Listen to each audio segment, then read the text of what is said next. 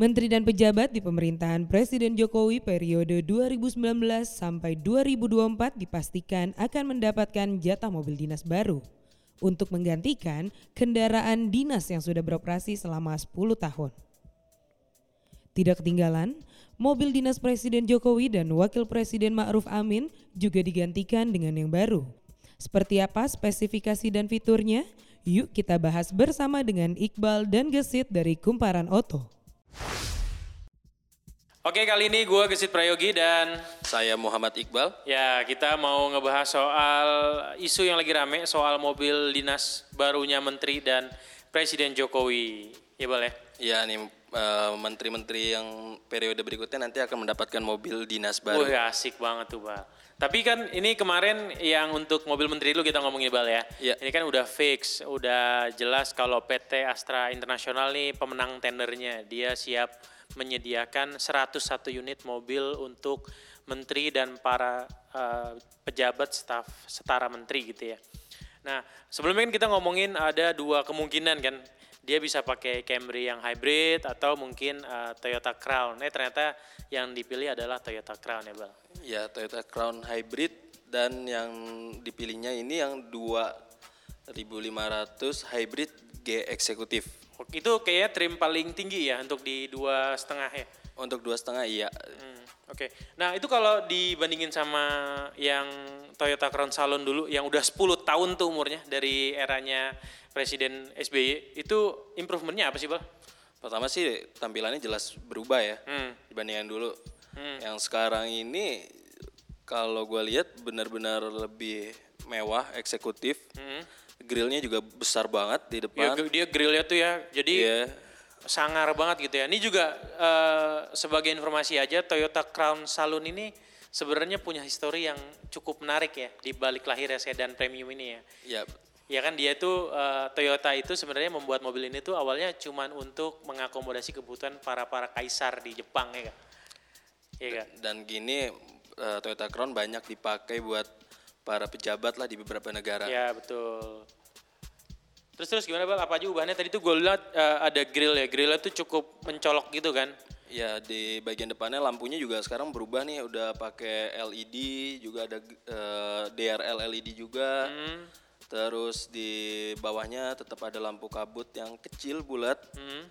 dan belakangnya juga berubah sih, berubah drastis. Dan yang menarik nih ada knalpot, eh, nya ada empat nih di belakang pipa pipa, Wih. pipa knalpotnya empat. Mobil menteri kayaknya racing look banget nih. Ya, jadi campuran antara luxury sama sporty nih kayaknya. Yoi. Jadi eh, ini kan karena mau diganti ya karena pemerintah tuh sebenarnya kita nggak mau ngomongin eh, aspek politik dan eh, apa sih di balik pergantian eh, mobil dinas ini ya. Tapi kita eh, kira-kira ya Bal ya. Ini berdasarkan tadi eh, dari Sekretariat Negara itu mobil mobil ini tuh akan dipakai oleh tadi menteri, terus pejabat sekelas menteri, bahkan eh, mantan presiden dan wakil presiden juga mendapat eh, unit ini juga. Makanya tadi jumlahnya cukup banyak ada 101 ya. Terus juga eh, kayak kemarin juga kan rame soal eh, mobil ini tuh jarang mogok eh sering mogok gitu kan. Kayak power window buka kebuka sendiri. Yang lamanya ya. Iya benar. kayak gitu ya wajar lah buat 10 tahun tapi sih kita jadi pertanyaan emang selama ini nggak diservis gitu kan iya kan Nah itu dia. jadi tapi kita nggak mau ngomongin itu kita ngomongin yang enak-enaknya aja gitu ya nah kalau ini tadi gue udah ngomong ini ternyata mobil Toyota Crown ini itu nanti yang menyediakan dilempar lagi ke Auto 2000 Auto 2000 itu salah satu dealer yang ada di undernya Astra jadi mobil ini tuh eh, udah fix akan dikirim langsung dari Jepang dan rencananya kalau nggak ada aral melintang nih bulan September 2019 udah ada di Indonesia. Ya gitu nah. Kalau harga lu udah ada ini nggak gambaran berapa harganya? Kalau harga sih kalau kita lihat di Jepang ya, kalau di sini kan ini mobil nggak masuk nih, nggak masuk secara resmi. Kalau di Jepang itu harga mobil ini kalau dirupiahkan sekitar 843 jutaan. Waduh, murah banget ya. Nah iya, tapi kalau kita lihat yang edisi sebelumnya, Hmm. yang sekarang dipakai sama menteri-menteri ini, itu harganya katanya di kisaran 2 miliar. Ya itu juga gue tadi sempat ngobrol sama uh, tenaga penjual di Auto 2000 gitu ya. Ya Iya. namanya kita samarin aja.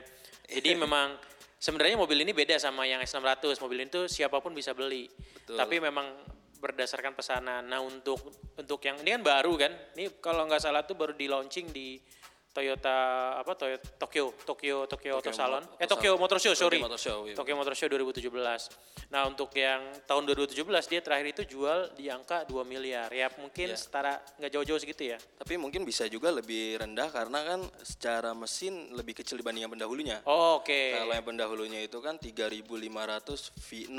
uh gila Nah, yang ini agak lebih kecil nih. Hmm. 2500 hybrid lagi kan. iya, Jadi betul. harapannya ya mungkin secara performa dengan adanya sokongan teknologi hybrid cukup uh, Membantu lah ya. mengakomodasi terus juga dari sisi konsumsi BBM juga akan jauh lebih irit kan. Ya, i- Dan akhirnya juga mempengaruhi dari cost operation dari itu mobilnya. Nah kalau untuk menteri memang karena umurnya udah 10 tahun, kalau untuk satu kayak kan 110 unit terus satu unit itu bisa 2M gitu ya. Iya. Itu kan kayaknya mahal banget gitu ya, apalagi memang buat memang buat kan banyak yang pikir wah ini di tengah bergejolak, Iya. di tengah-tengah pertumbuhan ekonomi sekian, ini malah beli mobil gitu, malah belanja mobil meskipun secara undang-undang dan APBN itu sudah menyediakan gitu kan. dan tidak disalahkan Ah, juga. iya nggak salahin. Tapi kita menarik juga sih ngelihat beberapa negara kayak di Malaysia. Malaysia itu sebenarnya sudah mewajibkan para pejabatnya pakai mobil bikinan sendiri Bikinan Proton. sendiri Proton betul. Sebenarnya nggak sendiri-sendiri juga. Proton tuh punya Jili, ya gak? Iya.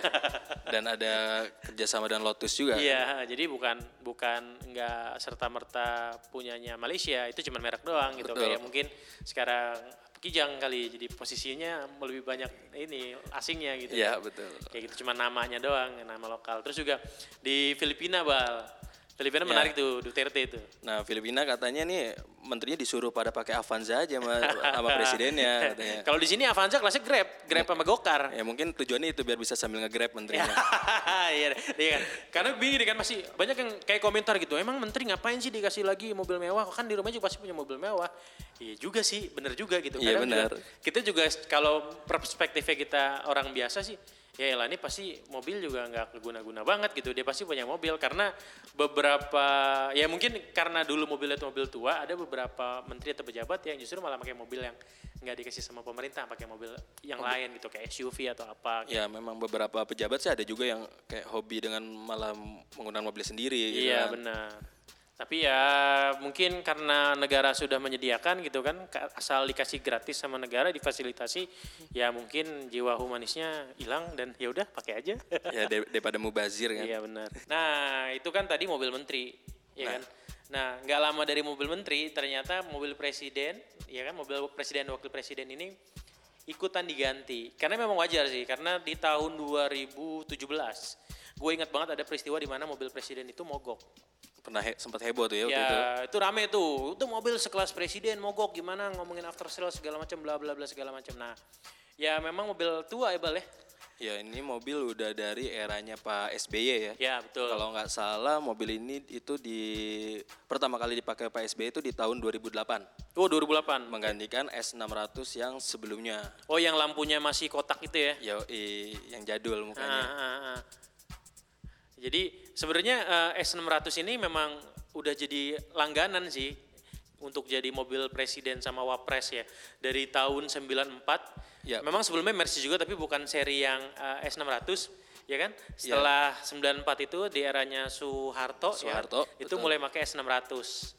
Pok- Dari situ sampai sekarang tuh langganan terus meskipun kalau dihitung dari 94 itu berarti sampai yang sekarang tuh baru ganti dua kali. Baru dua ganti Iya dua kan? kali. Dari pertama dipakai, terus eranya SBY, terus sekarang diganti sama di eranya Jokowi. Baru lagi. Ya, gitu. Dan Jadi, itu ya udah lama banget juga sih Iya, jangka benar, waktunya, benar, benar. rentan waktunya. nah kalau ngomongin gini, ini kan yang dibeli tuh S600 Guard gitu kan.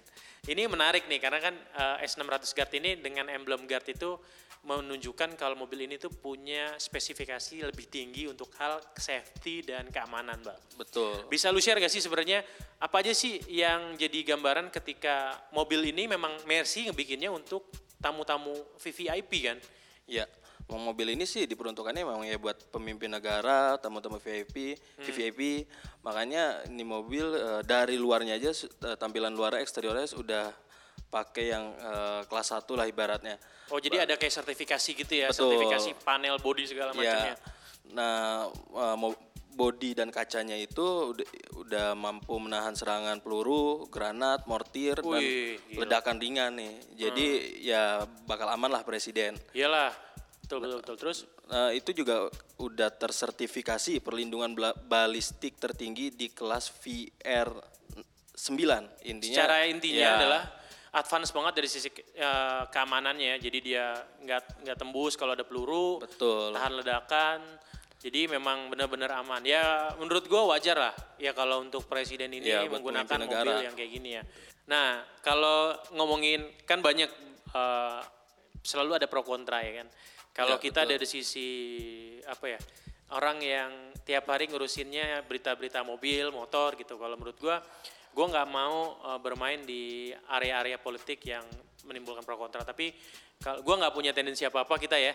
Jadi Yoi. menurut gua dengan menggunakan S600 GARD ini ya memang sudah cukup. Mungkin negara itu sudah punya standar gitu. Ya, betul. Dari alokasi biaya gitu. Jadi ya kita bayangin lah kayak perusahaan aja itu mungkin untuk jabatan direktur dan segala macam itu pasti punya standar-standar. Nah ini untuk sebuah negara, untuk orang yang apa nomor, nomor satu, satu. gitu ya, segala keputusan dipegang sama dia, mungkin menggunakan S600 GARD ini udah jadi paling eh, kompetitif gitu. Padahal kan dari selama proses tender sebenarnya ada dua brand yang mau Ya. ngegarap kan. Satu BMW lewat seri 7, Seri 7. yang seri 7 bukan yang sekarang, yang sebelumnya, ya kan? Terus akhirnya yang dipilih ini. Ya mungkin ada yang bilang kenapa nggak pakai mobil yang lebih murah ya? Ya itu tadi masalah keamanan dan keselamatan si presiden gimana gitu kan kita juga harus mempertimbangkan itu. Terus juga ada yang mikir, emang kita nggak bisa bikin bikin mobil sendiri gitu untuk bikin mobil presiden.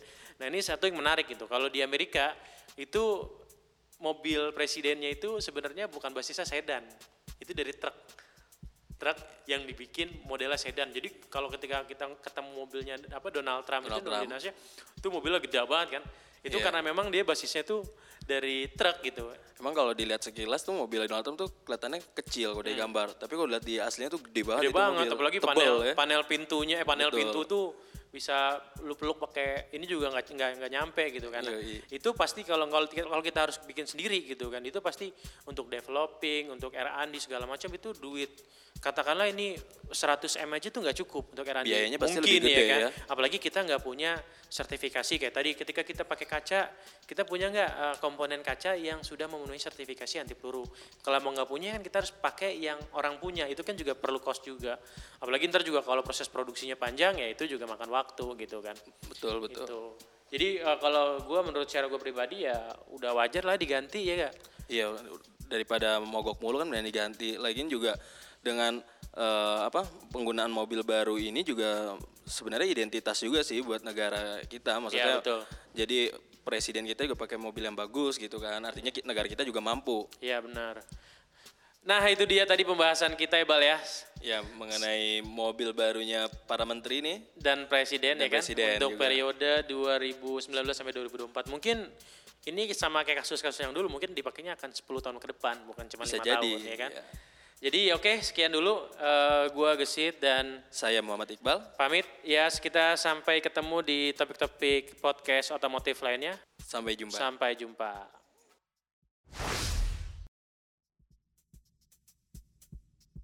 Sekian dulu podcast kali ini.